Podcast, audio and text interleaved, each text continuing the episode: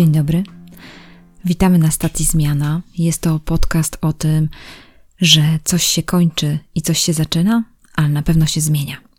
W dzisiejszym podcaście będziemy rozmawiać z Maciejem Dębskim. Jest to człowiek, który pierwszy w Polsce odciął około 100 młodych ludzi od internetu na 72 godziny i analizował swoje wyniki. Oczywiście media podchwyciły ten temat i pytały się, czy to jakoś krwawo się zakończyło, jak to wyglądało. Na pewno o tym usłyszycie również w naszej rozmowie. Jednak ciekawe jest to, że Maciej Dębski z powodu tego, że zmienił trochę profil swoich badań naukowych, znalazł się w innej dziedzinie. Wcześniej zajmował się bezdomnością, teraz zajmuje się uzależnieniem od internetu, tak zwanym fonoholizmem. To jest bardzo fajne ze względu na to, że on dostarczył nam bardzo, bardzo ciekawe badania. Tworzył również fundację Dbam o mój zasięg. Również występuje w wielu miejscach jako ekspert. I ta rozmowa dzisiejsza przeprowadzi w Was takie miejsca, które być może nie chcecie się znaleźć, ale mimo to nie przestawajcie jej słuchać. Posłuchajcie, ze względu na to, że Maciej Dębski mówi bardzo szczerze też o sobie, o tym,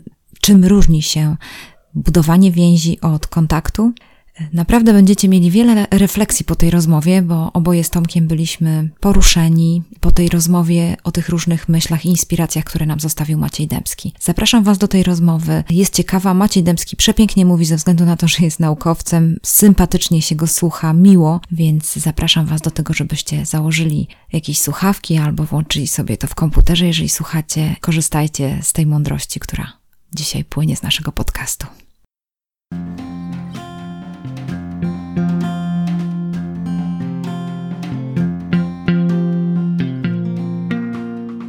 Witamy na stacji Zmiana. Wita Was Tomek Nadolny i Katarzyna Michałowska. I dzisiaj mamy gościa.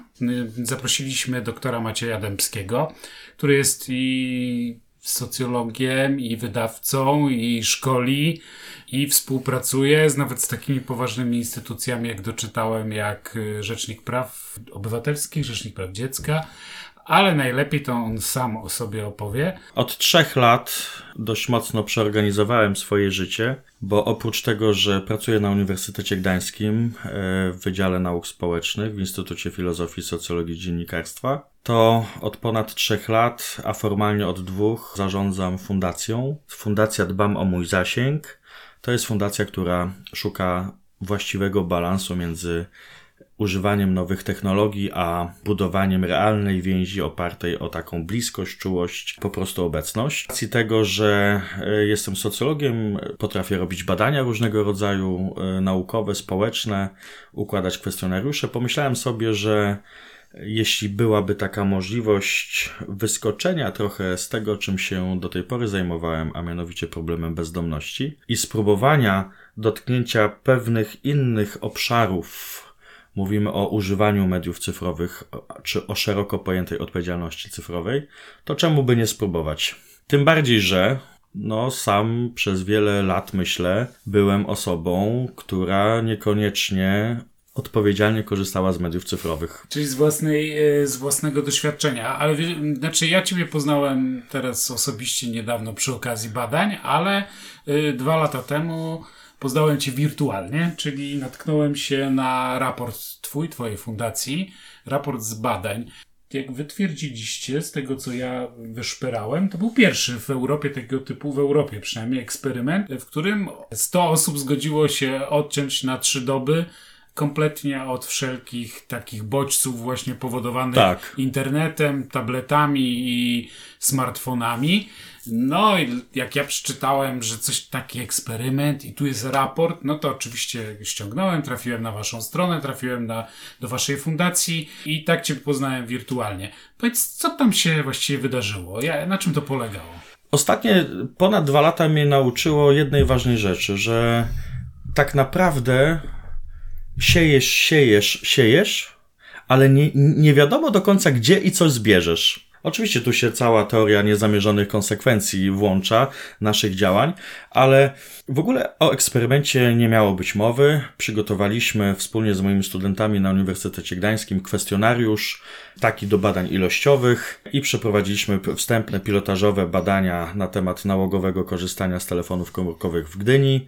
Potem się okazało, że rzeczywiście dane są na tyle interesujące, że wystarczy troszkę zmienić narzędzie badawcze i zrobiliśmy badania ogólnopolskie na próbie 22 tysięcy uczniów. I jak zobaczyłem te wyniki, na te ogólnopolskie, to się no, można byłoby powiedzieć kolokwialnie, potocznie, za głowę się złapałem. Ewidentnie zauważyłem na poziomie badań ilościowych, że jest taki typ osób, która, młodych osób, między 12 a 18 rokiem życia, które naprawdę się ze smartfonami nie rozstają. Że ta dziwna więź między smartfonem a młodzieżą była tak silna, że ten telefon towarzyszył od rana do wieczora i się zastanawiałem, co jest pod tymi danymi ilościowymi.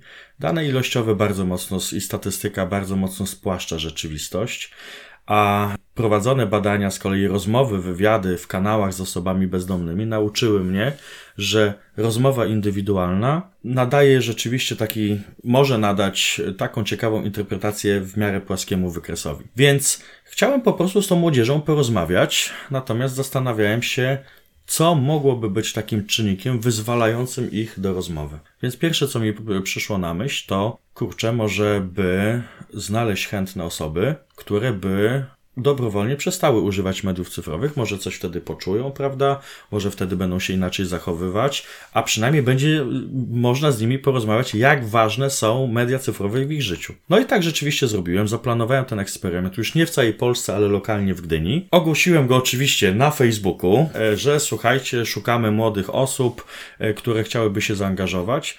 No i się okazało, że nikt się nie zgłosił. Więc ja sobie myślę, kurczę, no nie ten kanał, albo jest to duże wyzwanie. Uruchomiliśmy Wydział Edukacji Urzędu Miasta w Gdyni. Zgłosiło się ponad, ponad 130 osób się zgłosiło. Natomiast do samego eksperymentu przystąpiło ponad 100 młodych osób, które na 72 godziny zobligowały się nie używać telefonu, internetu, radia, telewizji, gier, niczego. Mieli pisać, daliśmy, stworzyliśmy im możliwość pisania dzienników, które potem żeśmy analizowali. Jak żeśmy je analizowali, to dopiero żeśmy się za głowę złapali, co tam młodzież pisze. Ale rzeczywiście, oczywiście to jest eksperyment, e, to jest sytuacja nienaturalna, bo żyjemy w świecie cyfrowym, więc sam wiem, że bez sensu jest odcinać się od mediów cyfrowych na tak długi okres, e, w ogóle z nich nie korzystając i, i pozbawiając się wielu narzędzi, nawet komunikacji z innymi. Ale to był eksperyment, chcieliśmy zobaczyć, jak oni się czują to jest ich naturalne środowisko, prawda? Tak. Także to... to jest dzisiaj tak jak wyciągnąć rybę z wody. Zdecydowanie tak. Powiem, że polecam świadome tak zwane detoksy, odkładanie smartfonów na jakiś okres ustalony, czy to sam, czy to w rodzinie, rodzice z dzieciakami. Można do tego wykorzystać weekend, ale na dłuższą metę nie wyobrażam sobie życia bez smartfona, bez internetu, dzisiejszym świecie, tak? Tak samo jak sobie nie wyobrażam, że nauczyciel w szkole nie stosuje narzędzi nowych technologii do prowadzenia zajęć. Powiedz mi, to pokolenie między tam 95 a 2000 to jest mniej szczęśliwe przez to, jest rzeczywiście ma skłonność większą do depresji, do samobójstw przez to, że i że, i że to dlatego, że ten tryb życia się tak zmienił przez... No bo generalnie powiem, tak ogólnie powiem, nie jest tak źle, jak się ogólnie sądzi.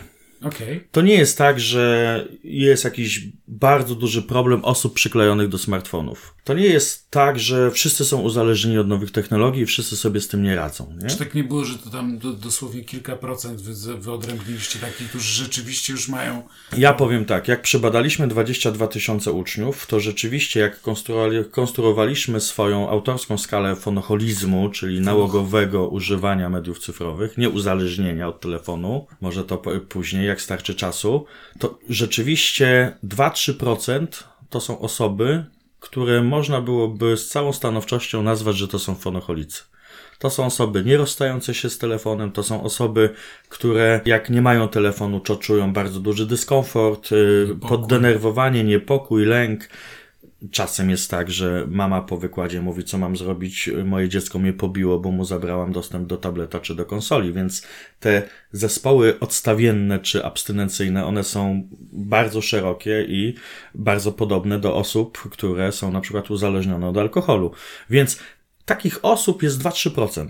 Wydawałoby się, że niedużo, prawda? Ale w liczbach bezwzględnych to jest 400-600 osób z tej całej próby, która w mojej opinii, tak jak stoi, powinna iść najlepiej z mamą i z tatą do psychoterapeuty. Wydaje mi się, Czyli że. w każdym potencjalnie miasteczku takim jak Puck albo, dwa, albo w takim Sopocie to jest gdzieś na przykład około tysiąca może być takich osób. Skoro Tak, tak patrząc przesiewowo, patrząc na próbę. Oczy, oczywiście problem jest taki, że oni bardzo często nie mają gdzieś i, gdzie iść, bo psychoterapeutów w zakresie uzależnień behawioralnych wciąż jest jak na lekarstwo. Ale nawet jeżeli by mieli szczęście i trafili do super psychoterapeuty y, w zakresie uzależnień behawioralnych i w ogóle takiego kompulsywnego robienia różnych rzeczy, to wydaje mi się, tak jak rozmawiam z, z psychoterapeutami, z psychologami, że 90% tych y, orzeczeń które by psychoterapeuta wystawił, wcale by nie dotyczyły mediów cyfrowych, ale do, raczej dotyczyłyby niskiej jakości więzi, która panuje w domu. I to jest chyba najciekawsza część tego raportu. I ja powiem tak. Jestem dzisiaj święcie, prze... ja, żeby była jasność. Ja jestem rodzicem. Mam dziecko w wieku 15 lat i to jest córka i mam synka w wieku 5 lat, prawie 6. I ja dzisiaj widzę, że najważniejszym czynnikiem chroniącym moje dzieci przed jakimkolwiek wejściem w problem jest dobrze zbudowana relacja w domu. Koniec, kropka. Albo można byłoby powiedzieć, że jeśli ja jako rodzic przez pier- prześpię pierwsze lata życia, kiedy moje dziecko jest w okresie przedszkolnym, wczesnoszkolnym, prawda, jeszcze jest nastolatkiem czy nastolatką i nie będę z moim dzieckiem, nie wiem, spędzał czasu, rozmawiał, przytulał, wspólnie wyjeżdżał, był wsparciem, oparciem i tak dalej, to dziecko sobie znajdzie miłość, przynależność, akceptację, wszystko sobie znajdzie w sieci. No Właśnie, bo Bez udziału rodziców. Czy to nie jest tak, że po prostu, y, okej, tam smartfony, sieć i tak dalej, jest to rodzaj, rodzaj tej gratyfikacji, którą być może w, kiedy ja byłem w ich wieku, dawały jakieś inne rzeczy.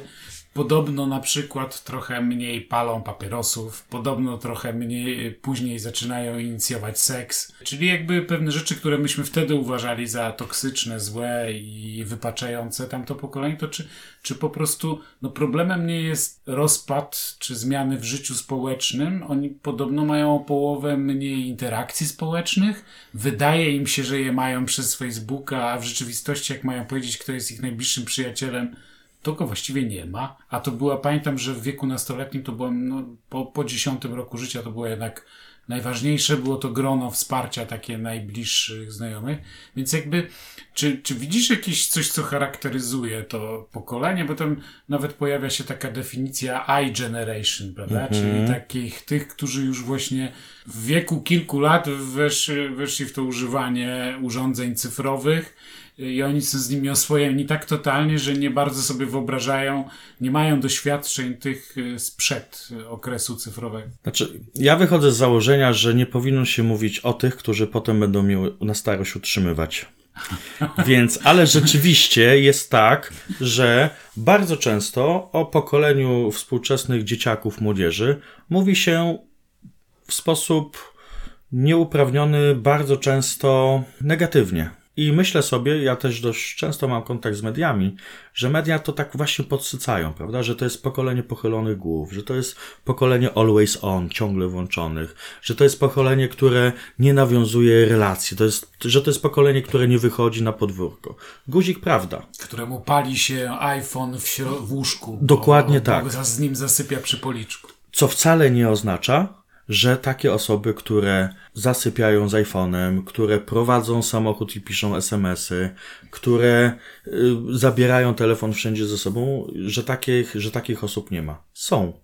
Natomiast cały czas ostrzegam, żebyśmy starali się nie oceniać sytuacji, które widzimy, a o których nic nie wiemy. Wyobraźcie sobie, idziemy do, do restauracji, siedzi para, myślimy, że to jest on, ona, prawda, i że są razem, i rzeczywiście są razem, i każdy w telefonie, osobno. I teraz pierwsza myśl, o kurczę, co jest z tą młodzieżą, nie?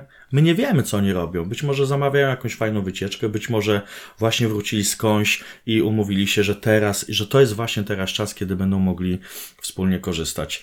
Więc ten negatywny taki stereotyp, masz nawet nie stereotyp, negatywny obraz tej młodzieży też jest bardzo mocno podsycany przez media. Ja pamiętam, co w tym w czasie tego eksperymentu było. Media się zachłysnęły tym eksperymentem, mówią, i co, pani Macieju? Ktoś przeżył w ogóle, nie wiem, pobili się, popłakali się? Mówi, nie. Wszyscy wytrwali, ale jak to? I było im dobrze? Ja mówię, niektórym bardzo dobrze. No ale dlaczego? No bo na przykład się wysypiali. Aha, nigdy bym o tym nie pomyślał, czy nie pomyślała. Więc negatywny obraz i łapanie takich właśnie 2-3% i ogólnianie, że tak wszyscy mają, to jest jedna rzecz i to jest nieprawdziwa, a to, co podsyca jakby troszkę ten, ten y, kontekst, to jest jednak brak ciekawych opracowań, które pokazują pozytywne strony używania mediów cyfrowych. Bo tu nie chodzi o to, że smartfon jest zły, czy internet jest zły.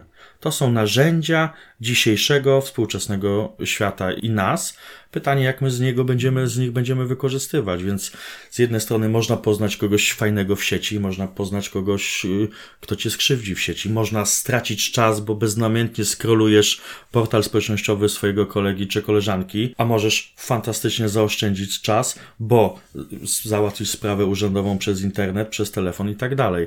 Więc główna teza jest taka, to nie media cyfrowe niszczą więzi.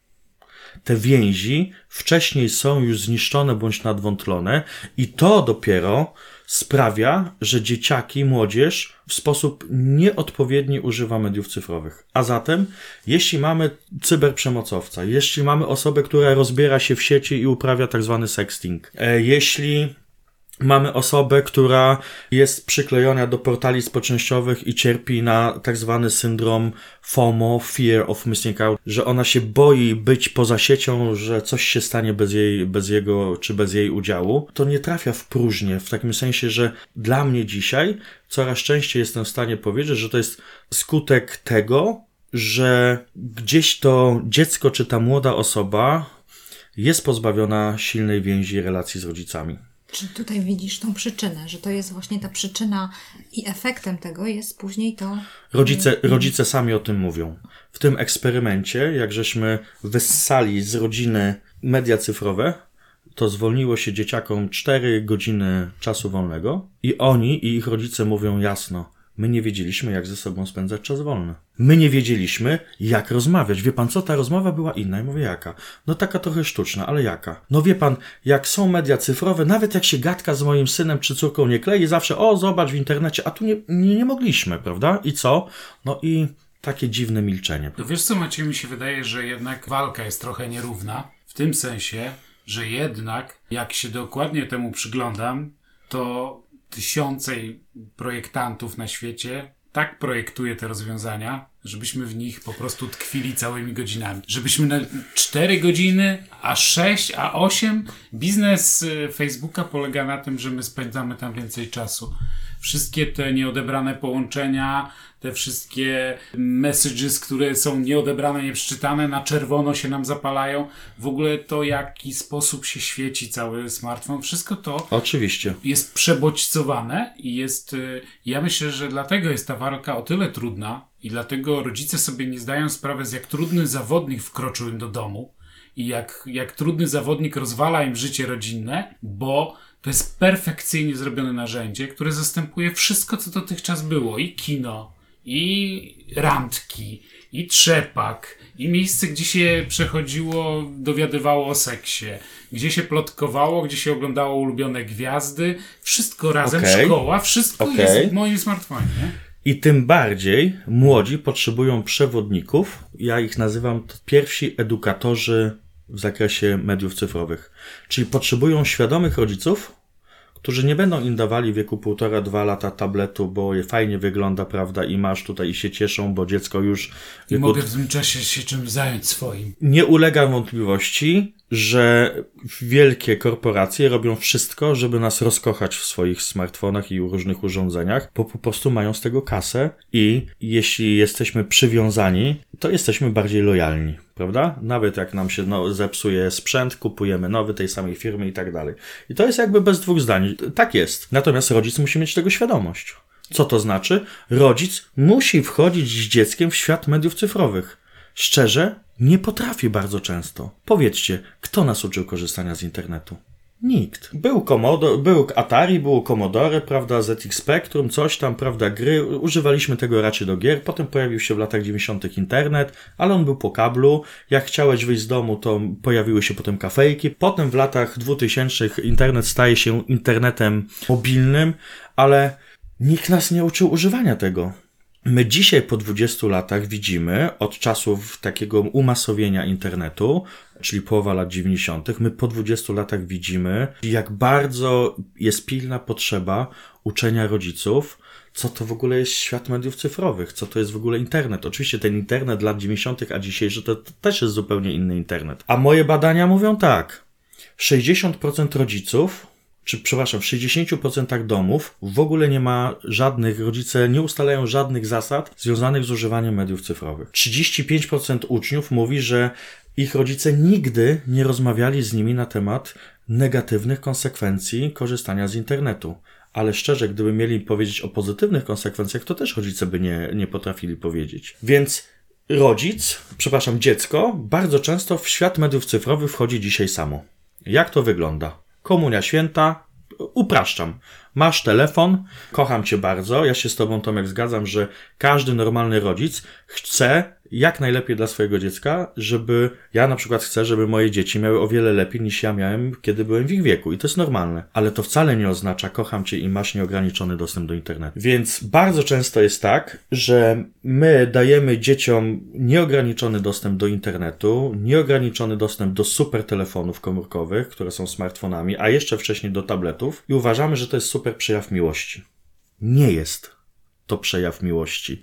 A przynajmniej, nawet jeśli tak uważamy, to te rzeczy powinny być balansowane przez przytulenie, bliskość, dotyk, prawda, czułość. To, to jest sytuacja sprzed dwóch, trzech tygodni. Odwiedzam mojego znajomego, który ma 45 lat, ma syna dziesięcioletniego. Dziesięcioletni syn wchodzi do niego na kolana, a kolega pracując na laptopie mówi: Nie widzisz, że pracuję? Teraz musisz wchodzić mi na kolana? Dziecko dwa razy spróbuje, Spróbuj. za trzecim nie podejdzie. I to są te niuanse. Ja się zgadzam, że informacja przyspieszyła, że komunikacja w ogóle jest to, co się dzieje dzisiaj z kanałami komunikacji, w porównaniu do tego, jak ja byłem nastolatkiem, to to jest w ogóle przeorientowanie świata. A z drugiej strony specjaliści rozwoju nowych technologii mówią wprost. Jeżeli rozwój nowych technologii jest, charakteryzuje się wykresem logarytmicznym, wykładniczym, to my jesteśmy na krzywej kolana. To znaczy, że my, to co obserwowaliśmy w ciągu ostatnich 20 lat, ten rozwój nowych technologii, my go dzisiaj będziemy widzieli w ciągu 3-4 lat. Tak to szybko przyspieszy, nie? My dzisiaj rozmawiamy, fundacja dzisiaj rozmawia o tym, jak odpowiedzialnie używać smartfonów, a my już powinniśmy się zastanawiać, co to jest sztuczna inteligencja i rozszerzona rzeczywistość i jak ona dopiero może wpłynąć na relacje. Mhm. I tutaj właśnie Macie, mi się wydaje, że też dotykasz ważnego wątku, którego mam nadzieję, jak w jakiś sposób poruszacie z rodzicami, bo to, co mówisz, być może taki rodzic myśli o tym, że bliskość jest wyrazem tego, że on właśnie sprezentuje coś dobrego dla swojego dziecka, to znaczy da tą drogą zabawkę, prawda? Czyli jest tutaj to, to za, zastępstwo, więc tutaj też ta jedna sprawa to edukacja w dziedzinie tego nawet ich rozumienia bliskości, bo być może oni tej bliskości nie dostali od swoich rodziców. To jest inna sprawa, bo też tak myślę, że teraz dzieci, dzieci, które mają dzieci, to są, ich rodzice byli pokoleniem wojny i to nie było czegoś takiego, że ktoś kogoś przytulał, czy, czy po prostu trzeba było sobie radzić i tyle. Więc tak naprawdę tutaj też taka jakaś scheda tej, tak jak mówisz, to jest tak naprawdę taka dziedzina, że wiele, wiele y, osób, rodzin musi uczyć się od nowa, co to znaczy bliskość, co to znaczy, tak jak mówisz, przytulenie. Może chłopców w, 10, w wieku 10 lat się już nie przytula, bo ktoś tak uważa, prawda? I to jest bardzo duże pole do edukowania. I jest racja w tym, co mówisz, i w tym kontekście widzę, że raczej rozwój nowych technologii, cyfryzacja, komunikacja zapośredniczona nie jest dobrym sprzymierzeńcem, raczej jest czynnikiem, który znowu przeszkadza budować taką więź i taką obecność, a, a z drugiej strony ja sobie myślę, że takie stwierdzenie, wiesz co, ja nie potrafię z tobą spędzać czasu, bo moja mama ze mną nie spędzała czasu, To jest. to jest trochę no, takie pójście na łatwiznę i wyparcie z siebie. Tak, e, Wróć tak jak babcia, no i grządki uprawia. Dokładnie, a tu przykład. właśnie, a tu też nie o to chodzi, prawda? No, to prawda. Więc można byłoby powiedzieć, że jest coś nie tak z więzią i bliskością, ewidentnie. Zobaczcie, w Warszawie powstał profesjonalny salon przytulania. Możesz pójść za kasę się przytulić, 100 zł godzina przytulania. Rząd brytyjski powołał pełnomocnika rządu do spraw samotności. Wracając do tego, co ty Tomek powiedziałeś, nie ma dzisiaj, a przynajmniej ja nie znam, może tak, specjalistycznych badań, które by bardzo mocno wiązały rozwój nowych technologii, używanie nowych technologii z jakimś mega rozwojem depresji. To jeszcze jest za wcześnie na tego rodzaju badania, ale znowu media bardzo często mówią: O, wzrost samobójstw? O, to znaczy, że oni często w świecie wirtualnym. A to tylko się nakłada na wiele Do, innych dokładnie problemów. tak, bo, bo ja równie dobrze mógłbym powiedzieć wzrost samobójstw równoznaczny jest z rozpadem, z atrofią więzi w domu na przykład, nie? Która dla mnie, to jest, szczerze, to jest dla mnie dzisiaj problem. Jak szkole rodziców z zakresu odpowiedzialności cyfrowej, mówię im tak. Słuchajcie, nie ma odpowiedzialnego używania mediów cyfrowych bez umówienia się z dzieckiem na jakieś zasady. I oni zawsze kiwali głową, okej, okej, okej. Ale ja sobie pomyślałem, to jest bez sensu, co ja im mówię. Ja muszę im dać dodatkowo jeszcze narzędzie. Więc opracowaliśmy taki wzór domowego kodeksu odpowiedzialnego używania mediów cyfrowych. Kartka A4, sztywna, y, 10 punktów i z tyłu zasady. I dzisiaj mówię na szkoleniach tak. Słuchajcie, rodzice, nie ma odpowiedzialnego używania mediów cyfrowych bez stworzenia z dzieckiem zasad. Macie tutaj wzór a oni nie wiedzą, co z tym zrobić. I jak ja rozpoczynałem właśnie ten projekt Domowy Kodeks Odpowiedzialnego Używania Mediów Cyfrowych w Gdyni, mieliśmy spotkanie w Infoboxie, rodzic wstał i mówi, ale proszę pana, ale jak ja mam rozmawiać o tym z dzieckiem? Ja nie potrafię rozmawiać, więc oprócz kodeksu my dzisiaj przygotowujemy scenariusz rozmowy. A drugi ojciec, rodzic wstał, mówi, wie pan co, a czy Fundacja Dbam o Mój Zasięg w ogóle prowadzi warsztaty, na przykład dla takich ojców, jak fajnie, kreatywnie spędzać z dzieckiem czas? To jest to. Ty jeszcze wspominasz o rytuałach, prawda? Często tam też, żeby jednak, No. że one są... Rytuały budują poczucie bezpieczeństwa dziecka. Y, Sięgnijcie sobie do swojego dzieciństwa i przypomnijcie swoje rytuały, jak byliśmy maluchami. One były różne, ale one zawsze wiązały się z obecnością rodziców. Dzisiaj rodzic ma różną sytuację zawodową, on mobilnie pracuje, on mobilnie żyje, on często wyjeżdża, prawda? Dobrze, że są nowe technologie, bo możesz sobie Skype'a, FaceTime'a odpalić i widzisz tatę, który pracuje na drugim końcu Polski i możesz z nim pogadać. Mój brat jest w Niemczech, dzieciaki były w Polsce, to Jacek z nimi matematykę, robił geografię, siedzieli i coś robili, więc to jest ten pozytywny wymiar nowych technologii. Natomiast ewidentnie, tak jak w szkole rodziców, nauczycieli i dzieciaków, rodzice potrzebują dzisiaj bardzo dużego wsparcia. Z jednej strony, żeby ktoś ich uczył nowych technologii, ale z drugiej strony potrzebują, czy moje pokolenie, ja też często potrzebuję wsparcia specjalisty, jak budować fajną relację z dzieckiem, jak z nim spędzać czas, jak rozmawiać o trudnych problemach. Wyścież nowe technologie z rodziny, to się okazuje, że nikt z nikim nie potrafi spędzać czasu, a część rodziców w ogóle nie potrafi zagospodarować tego czasu wolnego. Nie ma chyba bardziej podstawowej kompetencji rodzicielskiej, jak zorganizowanie dziecku czasu wolnego, nie? Ale my też mówimy o tym, no umówmy się, fonoholizm, czyli nałogowe korzystanie z telefonu komórkowego, to nie jest domena tylko dzieciaków. Nasze pokolenie 40-latków jest tak wsiąknięte czasem w sieć, że to oni by mieli problem z przestrzeganiem takiego domowego kodeksu. To jest to. Więc ja nie wieszam psów przysłowiowych na młodzieży, tylko ja dzisiaj widzę szeroki problem, że nakłada się wiele rzeczy typu rozwój nowych technologii, w ogóle zmiana kultury pracy, pracy prawda? Zmiana uczenia się. Bardzo, nie, nie dotkniemy tematu dzisiaj, ale bardzo duże zmiany w zakresie religijności, moralności, świata wartości. To nie zostaje bez znaczenia. Kiedy dziecko nie ma takiego kontrapunktu albo autorytetu, nie jest osobą, nie wiem, czasem mam wrażenie, że dzieciaki w ogóle w nic nie wierzą. Więc mamy gadżety. Najnowsze badania dotyczące uzależnienia mówią wprost. Jeżeli ciągle dostajesz pozytywne komunikaty typu like, like, like, like, like, like, to wydziela się w Twoim organizmie ta sama dopamina, która wydziela się u alkoholika, która to dopamina stymuluje Twój ośrodek, mózgu, ośrodek nagrody w mózgu, jest Ci po prostu fajnie. No tak, ale jeśli się nic nie pokazuje, to kortyzol.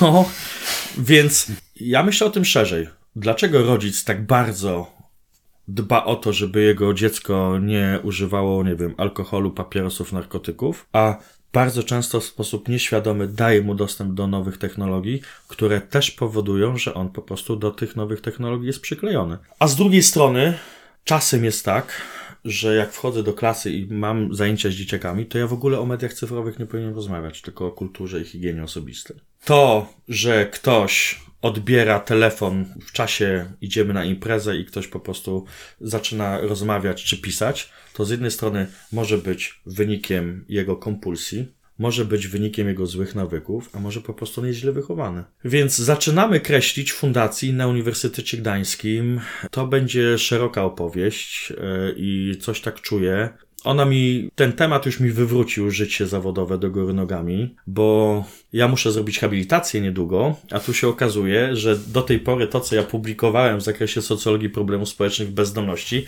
ja, ja w ogóle już o bezdomności 3-4 lata nic nie napisałem, prawda? Więc to zmienia moją, czy w ogóle ten, ten temat zmienia moje, moją karierę zawodową, ale też widzę, jak bardzo autoterapeutyczny jest dla mnie. Po trzech latach zajmowania się tematem, ja wiem, że naprawdę można stworzyć między sobą a smartfonem tak chorą więź, że świata poza smartfonem nie widzisz. Ja miałem takie stany i mogę się do tego w pełni przyznać. Ja byłem tak związany z telefonem komórkowym, że ja go specjalnie zostawiałem w samochodzie na, na noc w, w samochodzie. Ja potrafiłem się w nocy obudzić, zejść do samochodu i sprawdzić, czy ktoś nie napisał, nie zadzwonił. To jest to. Tu nie chodzi o to, żeby dzieciaków pozbawiać wody, czyli przestrzeni internetu, mobilności, smartfonów, ale żeby uzmysłowić im, że dobrze używane narzędzie może być dla ciebie szansą na twój rozwój, nie wiem, społeczny, zawodowy, y, edukacyjny, a z drugiej strony może ci przelecieć czas, możesz sobie zmarnować życie, może być uzależnionym od gier i to są oczywiście drastyczne przypadki, ale umrzeć przy stole grając 16 godzinę czy tam 25 godzinę z rzędu. No, więc dzisiaj mogę powiedzieć, że jestem coraz bardziej racjonalnym użytkownikiem mediów cyfrowych. Tak jak kiedyś używałem smartfona 9-10 godzin dziennie, dzisiaj staram się nie przekraczać półtorej godziny. Mam wgrane aplikacje, które monitorują. Zresztą, jak zakładałem Fundację Dbam o mój zasięg, to z jednej strony bardzo mocno nam zależało na tym, żeby stworzyć fajny ośrodek szkoleń, żeby prowadzić ciekawe badania i się rozwijać, a docelowo za 3-4 lata tak szczerze, chciałbym kupić kawał ziemi gdzieś w ciszy i wydaje mi się, że cisza będzie towarem luksusowym i ludzie będą przyjeżdżać i po prostu będą chcieli być w ciszy. I w tej ciszy będzie mój ośrodek leczenia uzależnień. Uz e-uzależnień. Taka jest ta wizja, natomiast w którą stronę to skręci, no tak chciałbym, żeby to było, prawda? Natomiast w którą stronę to skręci, nie wiem. Natomiast jestem święcie o tym przekonany, sam to czuję że samo zajęcie się tematem, jak ja studiowałem socjologię, to profesor z metodologii mówi: Pamiętajcie, jak się robi badania, to czasem one pełnią funkcję terapeutyczną dla badanych, ale też autoterapeutyczną dla badacza. I ja tego nigdy nie kumałem. Nie roz... W ogóle nie wiedziałem o co chodzi. Pierwszy człon, że badania pełnią funkcję terapeutyczną dla badanych, ja się dowiedziałem o tym prowadząc badania z osobami bezdomnymi. Jak ja siedziałem tydzień z nimi na dworcu w Koszalinie i z nimi gadałem, prowadzi... zadawałem im pytania badawcze. Oni mówili, wie pan co, kurczę, dobrze, że pan jest. Nigdy nie wiedziałem, że nigdy sobie takiego pytania nie zadawałem. To była funkcja terapeutyczna dla osoby badanej, ale nie widziałem w sobie funkcji jakiejś tych badań autoterap- autoterapeutycznej. To, co się zadziało z fundacją, to, się, to co się działo, zadziało z odpowiedzialnością cyfrową, myślę, że początek jednak wyszedł ode mnie i ja po prostu wstałem i sobie pomyślałem, no nie no, przecież tak nie może być. Ja nie mogę być cały czas przyklejony do telefonu. Moja córka nie może być tak. I tak dalej, i tak dalej. Szczerze, zacząłem od siebie i jakoś to zaczyna pączkować. To tak jak my ze tak. stacją Zmiana. Dokładnie, tak, tak. Ale tak. fundacja dzisiaj szkoli. Prowadzi bardzo dużo szkoleń. Ja zauważyłem, że wy już e, szkolicie nawet dzieci od trzeciego roku życia. Macie tak. taką ofertę. Tak. E, możesz powiedzieć co właściwie w tym, tych szkoleniach się, co się dzieje na szkoleniach dla rodziców, dla tej młodzieży tak zwanej gimnazjalnej, bo gimnazja znikają. Co się dzieje dla tych najmniejszych dzieci, gdzie czego, czego wy w czym próbujecie uświadomić, pomóc, nie wiem, nauczyć? Oczywiście y, wiedza przekazywana na jakichkolwiek szkoleniach, ona musi być dopasowana do rozwoju tego, kto przed tobą siedzi. Jeżeli to jest 3-4 latek, zdejmujesz buty, przebierasz się za smartfona, prawda, albo za jakiegoś inne y, tworzywo, prawda. Masz oczywiście karty pracy, masz ciekawe materiały edukacyjne, które mamy opracowane, siadać z nimi na dywanie i oczywiście nikt nie używa wśród dzieci 3-4 latków typu y, słów typu fonoholizm, uzależnienie i tak dalej. Chociaż już sześciolatkowie mówią, że o, jest to tak, uzależnienie od telefonu. A znacie osoby?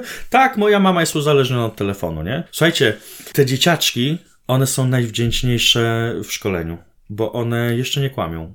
No tak, one, one powiedzą, szczere. tak, one powiedzą wszystko, co w chacie jest. I mówią, proszę pana, a moja mama to jak idzie ze mną na spacer, to zamiast mnie przytulać, siedzi na Facebooku. I teraz. Aż się łzy kręcą. No. A drugi mówi, proszę pana, a mój tata to jak prowadzi samochód, to cały czas pisze smsy. Mhm. Oni to widzą. Dzieci naprawdę dużo widzą.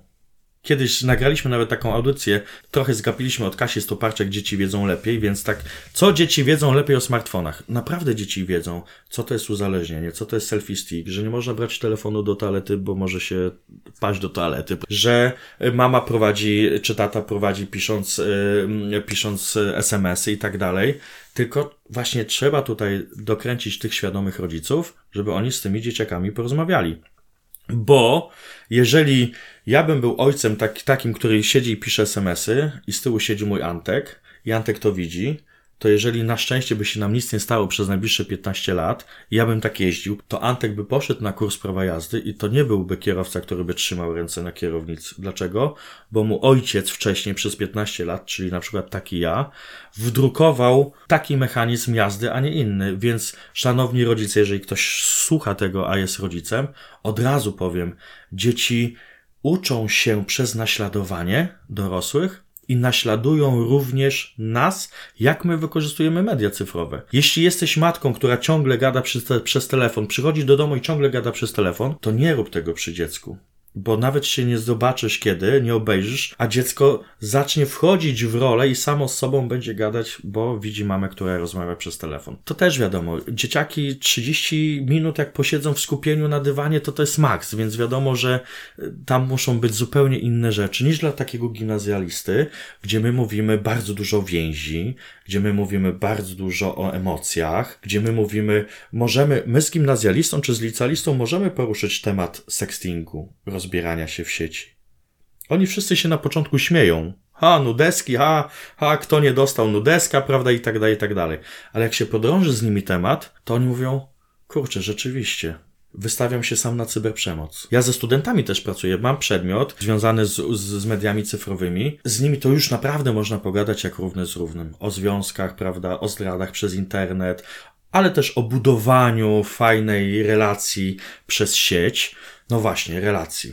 Źle mówię, sam. I to też jest ważne, chciałbym, żeby to wybrzmiało. Bardzo często młodzież, ale nie tylko młodzież, również my dorośli, mylimy dwa pojęcia: kontakt i relacja. I to jest ważne. Jeżeli po naszych szkoleniach młodzież będzie miała świadomość i będzie im to wytłumaczone, że to, co robią w sieci jest kontaktem, ale do relacji to jeszcze daleko, to to jest dla nas duży plus. Jeżeli młodzież będzie wiedziała, że relacja to jest to coś, co jest zbudowane na osobistym spotkaniu, zaangażowaniu, doświadczeniu i nie będzie ta relacja mylona z kontaktem w sieci, to to już będzie na plus. Młodzież bardzo często spędza czas w sieci i oni, uważa, że, oni uważają, że oni wchodzą ze sobą w relacje, nie? Póki co nie wymyślono aplikacji, która, nie wiem, wydziela zapach, smak, prawda, i przytuli. Kwestia czasu. Pewnie to będzie. Ja sobie wyobrażam Wigilię, jestem rocznik 7-7. Ja sobie wyobrażam Wigilię, jak będę miał 100 lat. Będą moi rodzice obecni. Tylko w postaci hologramów. Tak myślę, że będę mógł, będzie już na tyle sztuczna inteligencja zaawansowana, że będę mógł z ojcem i z mamą, z którą, których naprawdę bardzo kocham, żeby Oni, by, oni towarzyszyli, więc mówię, wow, super, fajna nowa technologia. Ale z drugiej strony sobie myślę, że ja do tego czasu chciałbym naprawdę zrobić dużo, żeby moi praprawnukowie nie siedzieli właśnie w swoich rzeczywistościach, prawda, na Wigilii, żeby ktoś ze sobą gadał. A zatem w fundacji i u siebie w życiu cały czas szukam, i to jest strasznie trudne, znaleźć balans między używaniem nowych technologii, a budowaniem realnych więzi. Ja sobie zrobiłem taki eksperyment, jak zrobiłem dzieciakom. Ty sobie zrobiłeś na kilka tygodni od Facebooka, ja sobie zrobiłem na 11 dni od wszystkiego. Ja nawet nie płaciłem kartą płatniczą. Ja, wy, ja, wys, ja poszedłem nawet na pocztę Telegram wysłać. 44 zł kosztuje Telegram 160 znaków. SMS. To jest S 44 zł, przecież to jest trzy razy więcej niż jakiś abonament miesięczny. W ogóle chciałem dwa miesiące wytrzymać, więc 11 dni to porażka straszna, nie? Ja chciałem przez ten czas spotykać się z ludźmi. To było moje założenie. Będę nawiązywał relacje. Ja się z nikim nie spotkałem przez te 11 dni. Co Jak, ty? a jak się z nimi spotkać? No tak. Pójdziesz do domu. A to nie są już te czasy. O, wejdź, chodź, super, fajnie, prawda? To były żenujące. No, wpadam do kumpla, z którym ciągle gadam, prawda, i tak dalej, a on mnie na klatce przyjmuje i nie wpuszcza do chaty. I my pół godziny stoimy na klatce. No ja się czułem niechciany, prawda?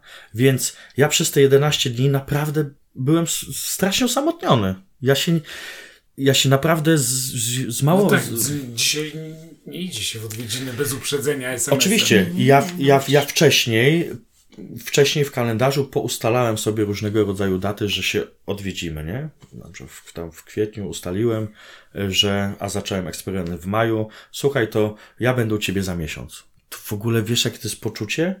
Masz poczucie, że się umówiłeś z kimś, widzisz w kalendarzu, ale już takim rozkładanym, nie w iPhone'ie czy Samsungu, widzisz datę, i ty idziesz. Ty nie masz możliwości od, odwołania spotkania. Ty idziesz po prostu. Ja szedłem z, w mega stresie. Albo ktoś był, albo ktoś nie był. On nie, miał, on nie miał możliwości się ze mną spotkać ani odwołać. Ale ten eksperyment bardzo dużo mi dał.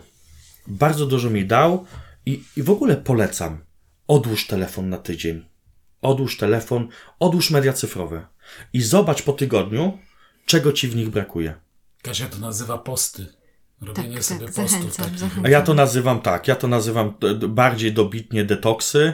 Myślę sobie, i, i, i w, którym stron, w którą stronę będzie szła fundacja, zanim my sobie kupimy tę ziemię, prawda, i w ogóle czy wypożyczymy, i nie wiem, co tam się z tym robi, ale my już od maja chcemy startować z takimi weekendowymi wyjazdami dla rodziców z dzieciakami. Trzy dni. Przyjeżdżasz w piątek na Kaszuby, odkładasz telefon, sobota, niedziela jesteś z dzieckiem, wyjeżdżasz i, i w ogóle patrzysz jak ci jest, nie? Czyli widzimy bardzo dużą potrzebę bycia po prostu blisko. Natura jest, będzie naszym sprzymierzeńcem. Zresztą ja osobiście uważam, że, że coraz częściej będziemy obserwowali takie oddolne inicjatywy mówiące o ważności natur- natury, o ważności duchowości, medytacji. Ja tutaj widzę, nie wiem, mo- może to jest jakaś dziwna intuicja, ale czuję, że coś niedługo musi się przełamać w, w życiu społecznym, że ludzie po prostu zobaczą, że nie tędy droga. Jestem przekonana, Maciej, że masz rację, ze względu na to, że są takie nurty, wiesz, też badania to pokazują. Zauważ, że na przykład ten hashtag parenting y, i tutaj ten cały nurt parentingowy, czy y, oj, kwestia ojcostwa, kwestia tego, co mówiłeś, relacji, te rzeczy wybrzmiewają, tylko że one nie wybrzmiewają tak, bym powiedziała, mainstreamowo, tylko one wybrzmiewają gdzieś tam przez tych liderów informacji, którzy na przykład y, tworzą jakieś kanały na YouTubie, dzielą się swoimi doświadczeniami, dzielą się też między innymi y, tak jak, mówisz, wartościami, duchowością, tak samo. Tylko, że niestety tutaj jest inny problem tych baniek informacyjnych i tutaj już jest Tak. inna kwestia. Ale na przykład, tak jak mówisz, y, mój y, kolega na przykład jest, prowadzi takie spływy mm, kajakowe ojca z synem. I powiem Wam, że to jest, y, no cieszy się ogromną popularnością i to też pokazuje, jak bardzo ludzie są spragnieni tych relacji. Wydaje mi się, że właśnie tutaj, jak mówisz, że, że z powodu tego zagubienia, nie, nieumiejętności, tutaj jest jakiś jednak zamoderowany ten czas. No ten ojciec z synem wyruszy, przepłyną jakiś czas y, tym kajakiem, jest, za, jest czas zaplanowany, kiedy oni wspólnie spędzają czas, rozpalą ognisko, spędzą czas z naturą. I, I wtedy tworzy się przestrzeń. I wtedy tworzy się przestrzeń na bycie, na innowacje, na kreację, na, na odezwanie się do dziecka. Ty, cześć, w ogóle, czym, co ciebie tak kręci w życiu? Wielu rodziców w ogóle nie jest świadomym tego, jakie pasje, hobby, zainteresowania mają ich nastoletnie dzieciaki. To jest to. A, A sytuacja się komplikuje, kiedy na przykład jest rozwód. I teraz ja sobie wyobrażam, że to, co się dzieje między małżonkami, to jest ich sprawa. Ale ojciec czy matka, która traci kontakt z dzieckiem, a chce mieć ten kontakt z dzieckiem, najczęściej ojciec, traci, bo, ma, bo dziecko jest przy mamie, to on w ogóle jakie on musi schody pokonać, żeby nie stracić dobrej relacji, czy, czy, czy żeby zadbał dalej o więź. Z drugiej strony, cały czas uważam, ja się przez wiele lat zajmowałem przemocą w rodzinie, no bo przemoc w rodzinie jest główną przyczyną na przykład bezdomności kobiet, to ja cały czas uważam, że trochę hamulcowym jest jednak cały czas ten model patriarchalny, który funkcjonuje w, w Polsce. Jak ja widzę różnicę, jak ja mówię do ludzi, do rodziców z terenów naprawdę małej wsi i jak ja rozmawiam, jak kiedyś prowadziłem zajęcia o przemocy, jak ja rozmawiałem o, z, o przemocy z, z, z rodzicami z dużych miast, prawda? No to, to na wsiach to mnie w ogóle, w ogóle nie dostrzegali problemów. A wszyscy niby korzystamy z tego samego Facebooka, nie? No, dokładnie tak, nie? Więc więc to jest, to jest opowieść o mediach cyfrowych, o odpowiedzialności cyfrowej, o szukaniu balansu między, między relacją a kontaktem w sieci. Widzę, że szczerze myślę sobie, że temat będzie tylko zyskiwał na znaczeniu i będą się otwierały kolejne nurty, kolejne właśnie takie klapki, a że może z tego szkolić, a że może tu, a że może tu i tak dalej, i tak dalej. Z drugiej strony chciałbym uniknąć sytuacji, że wszyscy rodzice są przeszkoleni, a i tak nie potrafią ze sobą gadać i rozmawiać. Ale Maciej, jakbym mógł Cię poprosić jednak o to. Wiemy, że słuchają nas ludzie raczej tak pod koniec od, od studentów, od końca studiów do takich w naszym wieku i starszych. Jakbyś im tak parę najważniejszych rzeczy, takich, żeby oni sobie sami przemyśleli, słuchając ten podcast, żeby sami potrafili zdiagnozować, czy ich, czy te, ich relacja ze smartfonem, ich relacja z bliskimi i ten trójkąt relacji, czyli to, co smartfon, co sieć, co Netflix, seriale i to wszystko, co razem tworzy, czy to jest zdrowe, czy to już gdzieś powinni patrzeć, że że już się powinny gdzieś włączyć jakieś dzwonki alarmowe, że, że może jednak warto w szkole zorganizować, w której e, mamy dzieci, jakieś takie spotkanie, na którym byśmy pewne rzeczy sobie uświadomili? Pierwsza rzecz, myślę o takim pojęciu, które znowu jest dość modne, to jest pojęcie uważności. Mhm. Bądź uważny, czytaj znaki. Dla mnie, jeżeli już mówimy, e, że zaczynamy od siebie, to dla mnie takim e, momentem było, że rzeczywiście ja odkładam media cyfrowe na jakiś czas w sposób totalnie świadomy. Nie robię tego na wakacjach, tego tak, normalnie, tak jak funkcjonuje i patrzę, czego mi brakuje i patrzę, kiedy mi brakuje, patrzę, co ja wtedy robię i tak dalej, i tak dalej. Czyli mimo wszystko zachęcam wszystkim do takiej postawienia sobie autodiagnozy, czyli stworzenia punktu wyjścia, czy ja rzeczywiście higienicznie używam mediów cyfrowych. Mhm. Czy ja nie jestem z nimi związany, czy ja odczuwam jakieś stany um, odstawienne, czy ja tracę pasję, hobby, zainteresowania, bo zaczynam grać w gry, prawda? I tak dalej, i tak dalej. Czyli zawsze zaczęcie od siebie i stworzenie takiego punktu, ok, jestem w takim momencie. Z drugiej strony, nie powinniśmy sobie dowalać. Tak emocjonalnie. To znaczy, nie myślmy o sobie, ojejkuś, jak już ten punkt startowy będzie naprawdę kiepski, to nie myśl, to nie mówmy sobie, ojejkuś, straszna rzecz, tyle przegapiłem i w ogóle nie mam więzi z moim dwunastoletnim synem, dzieckiem i w ogóle co teraz mam zrobić, tylko na spokojnie stworzyć sobie albo samemu, albo sobie ze specjalistami, szukając różnego rodzaju rozwiązań. To nie jest, to nie jest tak, że teraz trzeba pędzić do lekarza i do psychoterapeuty. Być może trzeba poszukać wsparcia właśnie w kontekście nabywania kompetencji rodzicielskich, prawda, i tak dalej, i tak dalej, bo to może być, to, to, to może być tutaj różna kwestia. Postawić sobie jakiś taki cel i powiedzenie sobie, gdzie ja chcę być za dwa lata. Że za dwa lata ja chciałbym, dla niektórych to może być bardzo długa perspektywa, trzeba ją przybliżyć, ale to nie jest tak. To, to przejście z nieodpowiedzialnego, by, z bycia nieodpowiedzialnym użytkownikiem mediów cyfrowych do takiej odpowiedzialności cyfrowej, to, to następuje latami, bo to jest zmiana postawy. E, a zatem jest źle, albo jest jakoś tak, i to nie jest tak, że w następną niedzielę ma być super i mam już, no bo to się nie da. Trzy, bardzo ważna rzecz, jeżeli mamy dzieciaki, no pamiętajmy o tych rzeczach, że dzieciaki widzą, że dzieciaki czują, naszą obecność, a, a jeszcze bardziej czują naszą nieobecność i że jeśli rodzic prześpi pierwsze 4, 5, 6, 10 lat życia swojego dziecka, to będzie mu potem bardzo trudno budować więź i relacje. Ja mam wiele pozytywnych przykładów ze szkoleń, ale mam też kilka negatywnych, które o których mówię. I tak jak ta dziewczynka 5 lat, proszę pana, moja mama to jak ze mną wychodzi na spacer, to mnie w ogóle mnie nie przytula, tylko to jest na Facebooku. To jeszcze mam takie dwa, też dotyczy dziewczyn. Trzynastoletnia dziewczyna w Gdańsku mówi, proszę pana, pan tak dużo mówi o więzi, bliskości. Ja muszę powiedzieć niestety, że moi rodzice odzwyczaili się mnie przytulać. Więc ja jej na to, a potrzebujesz tego? A ona do mnie. A pan tego nie potrzebuje? I wtedy zadzwonił dzwonek. Jeszcze tak spotęgował jej, aż mi włosy na rękach stanęły, bo sobie pomyślałem, ja potrzebuję, mój tata potrzebuje, ty potrzebujesz, ty potrzebujesz, każdy potrzebuje. I jeszcze jeden przykład piętnastolatki. Piętnastolatka mówi tak, proszę pana, ja mam 15 lat, czy pan uważa, że to już jest za późno? Ale ona mówiła ze smutkiem, ja teraz to mówię już z przerobionym tematem, bo to mnie też uderzyło. Czy pan uważa, że ja mając 15 lat jeszcze mogę fajną relację z rodzicami nawiązać? Czemu kurczę rodzice mi takiego pytania nie stawiają po zajęciach? To byłoby fajne żeby rodzic po zajęciach przyszedł do mnie i powiedział, proszę pana, oni przychodzą, mówią, nie, fajnie i w ogóle, ale pan trafił w sedno, ale mało jest takich przyznań, bo ciężko się przyznać, nie? Ja się przyznaję, że ja trochę lat przespałem w swoim życiu, nie? To nie jest tak, że rozwój fundacji to jest zawsze górka wznosząca i że jest super i w ogóle. Jest góra, dół, dół, dół, góra, góra, dół i tak dalej, i tak dalej. Ale nie wiem, tak jak przez wiele lat różnych projektów się yy, i małem i jakoś się gdzieś tam rzuciłem, tak tutaj będę konsekwentny. Yy, czy to jest górka, czy dół, ja wiem, że w tej opowieści mam rację.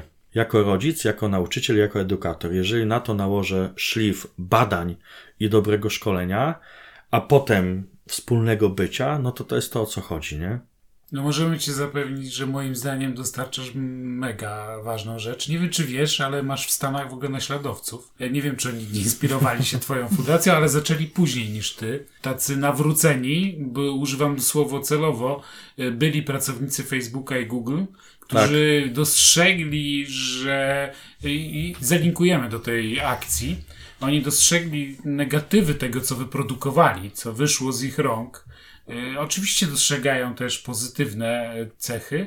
Stworzyli specjalne miejsce dla deweloperów, czyli tych programistów, w których można się rozwiązywać wątpliwości etyczne, czy to, co na przykład robię, uszkodzi mózg dziecka, czy nie, i tak dalej. I oni tam sobie takie poważne pytania zadają na tym portalu, ale oni sobie postawili za cel odwiedzić wszystkie 55 tysięcy, nie, nie wiem, czy to są wszystkie, 55 tysięcy szkół w Stanach Zjednoczonych, których chcą w każdej z nich każdemu dziecku i rodzicowi zrobić prelekcję na temat tego, jakie są aspekty szkodliwe używania smartfonów. Oczywiście wiedzą, że jest też mnóstwo pozytywnych i że na przykład można dzięki temu uzyskać, nie wiem, edukację albo, albo, albo słuchać taki podcast jak ten.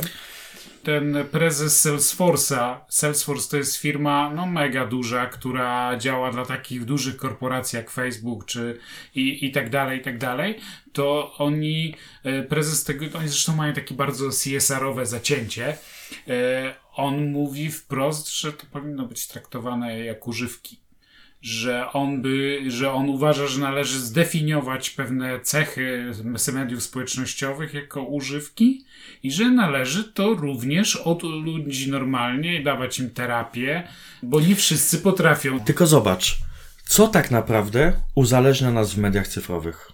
Najczęściej czynnikami uzależniającymi są te czynniki, które mają na celu komunikowanie się nas z innymi. Czyli dają substytut czegoś, co mamy na zasięgu ręki, tylko trzeba wyjść na, do ludzi. Nie, to nie jest substytut, to jest naturalna potrzeba gromadzenia się. To jest coś, co wyewoluowało w okresie naszego gatunku. My po prostu chcemy być z innymi. I to jest tak naturalna potrzeba, że, czyli można byłoby powiedzieć, że to jest zdrowy popęd. Facebook, Snapchat, Instagram. Oczywiście są dzieciaki przyklejone, ale to, co ich przykleja, to to, że oni są z innymi. Ale jeśli to będzie niekontrolowane, to można postawić tezę taką. Zdrowy popęd może być negatywnie przerobiony na kwestię związaną z uzależnieniem. Ja znam opracowanie świetne, jest taka e, książka It's Complicated, e, wydrukowana w, e, na Uniwersytecie w Yale, Danach Boy, tak, naukowiec, socjolożka, antropolożka. Ona mówi tak, to nie jest tak, że media cyfrowe powodują samotność, osamotnienie i ekskluzję społeczną. A może to jest tak, że zmieniła się na przykład droga dziecka do szkoły, że my jak byliśmy dzieciakami, to my szliśmy na piechotę, mieliśmy znajomych, prawda, i tak dalej, i tak dalej, i wracaliśmy razem, a dzisiaj rodzic podjeżdża samochodem, wyjeżdża. To w ogóle to jest ciekawa książka, bo tam autorka walczy z takimi pięcioma głównymi mitami, prawda, że, że są uzależniające media cyfrowe, że powodują właśnie depresję. Ja lubię takich autorów, którzy odwrócą kota ogonem i powiedzą, słuchaj, ale to nie jest do końca tak, prawda? To odżywcze dla umysłu. Tak? Ale zgadzam się, że ci wielcy, którzy tworzyli, oni te bebechy tworzyli. I oni nieraz mówili, tworząc jakąś aplikację, ale fajnie, my ich zwiążemy, nie? Teraz im odklika, bo być może widzą, że to po prostu to, to, to co się czasem dzieje z dzieciakami, to jest to, to nie o to chodzi. Powstają przedszkola w lesie, gdzie rodzic oddaje dziecko, o 17 odbiera i on wie, że dziecko było 80% czasu w, w tlenie, prawda, bo biegało, bo skakało, bo widziała dzika, bo mówił, wow, ale fajnie, burza pachnie i tak dalej, i tak dalej, nie? Więc Trzeba też czytać inicjatywy oddolne, nie? Wagon Pendolino numer 7, strefa ciszy. Co by tam nie mówić, czy tam jest strefa ciszy, czy nie, ale naturalna potrzeba. Masz 2-3 tysiące wolnego? Proszę bardzo. Na Sylwestra do zakonu, tydzień dostajesz cele, takiej sobie jakości żarcie. Wychodzisz po tygodniu bycia w ciszy i mówisz, no nie. Bez sensu jest takie życie przez 30 lat, jakie prowadziłem, nie? Zmieniam życie. Wydaje mi się, że tak jak antidotum na takie, taki pęd nowych technologii, będzie jednak szukanie ja nie chcę używać tego przemielonego słowa strefa komfortu, prawda? wyjdź ze strefy komfortu, to nie o to chodzi. Zastanów się, stań na moment, twoim sprzymierzeńcem będzie cisza, to jest to. Tak mi się wydaje, że tutaj. Czyli kontakt ze sobą. Kontakt ze sobą. Da, daj sobie przestrzeń. My w ciągu miesiąca przetwarzamy tyle informacji, tyle bodźców do nas dochodzi do naszego mózgu, co do naszych prapradziadków przez, z, z ostatnich 100 lat przez całe życie. Oni w ogóle żyli w, w informacyjnej ciszy. Jak krzykacz na wieś nie przyjechał i nie wykrzyczał, co słychać w mieście, oni musieli wychodzić i się spotkać, żeby ze sobą gadać. Kon konweja, przebodźcowanie, bardzo ten. Na pewno zalinkujemy to. Wielkie Ci dzięki za podzielenie się no taką pasjonującą historią i Twoją i tych osób, które spotkałeś, tego, co słyszałeś na tych szkoleniach, bo to jest w tym wszystkim najbardziej przejmujące, że że to dotyczy nas, naszych rodzin. Kurczę, wiem, że mam rację, czuję i to ma sens, nie? Ja nie chcę mówić, że ja mam jakąś misję. Ja cały czas wracam. Misja to nic złego, tak swoją Tak, ale ja cały czas, ja, ja, nie chcę, żeby to brzmiało górnolotnie. Nie moją misją jest fajna więź z moim dzieckiem, jednym i drugim. To jest dla mnie, to jest dla mnie wyzwanie, nie? A jeżeli przy tym ktoś się ogrzeje, ktoś do czegoś dojdzie podobnego jak ja, to kurczę tylko plus. Bardzo się podoba w tobie to, że ty po prostu masz w sobie taką niezgodę na tą zaistniałą rzeczywistość, nie, niezgodę na, na zranienie, na takie odrzucenie, takie po prostu y, zajęcie się tym, co nie jest właściwe. No, I... bo może sam raniłem i sam odrzucałem. Mm, to, to, to, to, mm. to jest to, nie? Ja, ja nawet nie wiedziałem, że ja 20 lat używam telefonu komórkowego. Czyli można byłoby powiedzieć, że skoro ja mam 40 lat, to to jest pół na pół. Teraz to już będę bardziej cyfrowy. Wcześniej byłem jeszcze bardziej analogowy. Ja nawet nie wiem, kiedy tak bardzo media cyfrowe weszły i tak mnie, wiesz, za habety złapały i odciągnęły od dzieci, nie? Wydaje mi się, że jedną rzecz, która ma, jest naszą przewagą pokoleniową, bo jesteśmy z tego podobnego pokolenia, że my jeszcze mamy do czego się odwołać. Mamy ten kontrapunkt. I, do, I my musimy tak. młodym ludziom stworzyć to miejsce odwołania, do którego oni będą mogli się odwoływać, jak to jest bez smartfonu. Pełna zgoda, bo dzieciaki urodzone po 95 roku w ogóle nie, w ogóle nie mają rozróżnienia na online, offline. Oni to są jedno życie i oni czasem są tu, czasem tu. A zatem edukacja jest procesem dwustronnym. No to jeżeli ja mam dziecko swoje, to ja je mogę edukować i pokazywać, jak fajny jest świat bez mediów cyfrowych, bo oparte o relacje, o więź, o wspólne bycie, nie wiem, o wyjazd bez internetu. A z drugiej strony dziecko może mnie uczyć Snapchata. Ja, ja mam, ja nie mam jakichś problemów, żeby się uczyć Snapchata. Moja córka mnie uczyła Snapchata, dzisiaj już jestem zablokowany na Snapchacie przez moją córkę, żeby była jasność. Sielanka nie trwa długo, ale jeżeli rodzic wyjdzie z roli nauczyciela i usiądzie i powie, dobra dziecko, to weź mi, powiedz mi, co to jest ten musical, nie? Tak, naprawdę mogę? No, no, naucz mnie, nie? I błysk w oczach dzieciach, nie? Stwórzmy dzieciom możliwość, żeby były nauczycielami dla nas samych, a my zamknijmy się, słuchajmy, ale też potem uczmy tego życia poza siecią. Wydaje mi się, że to jest naprawdę wspaniała puenta. Bardzo Ci dziękuję Maciej za to, że odwiedziłeś naszą stację Zmiana i mam nadzieję, że nasi słuchacze są zainspirowani. Y, macie dużo do przemyślenia teraz. Zachęcamy Was do chwili ciszy i przemyślenia. Dawajcie znak, co z tego wynikło. Dzięki bardzo. Dzięki bardzo. Dzięki.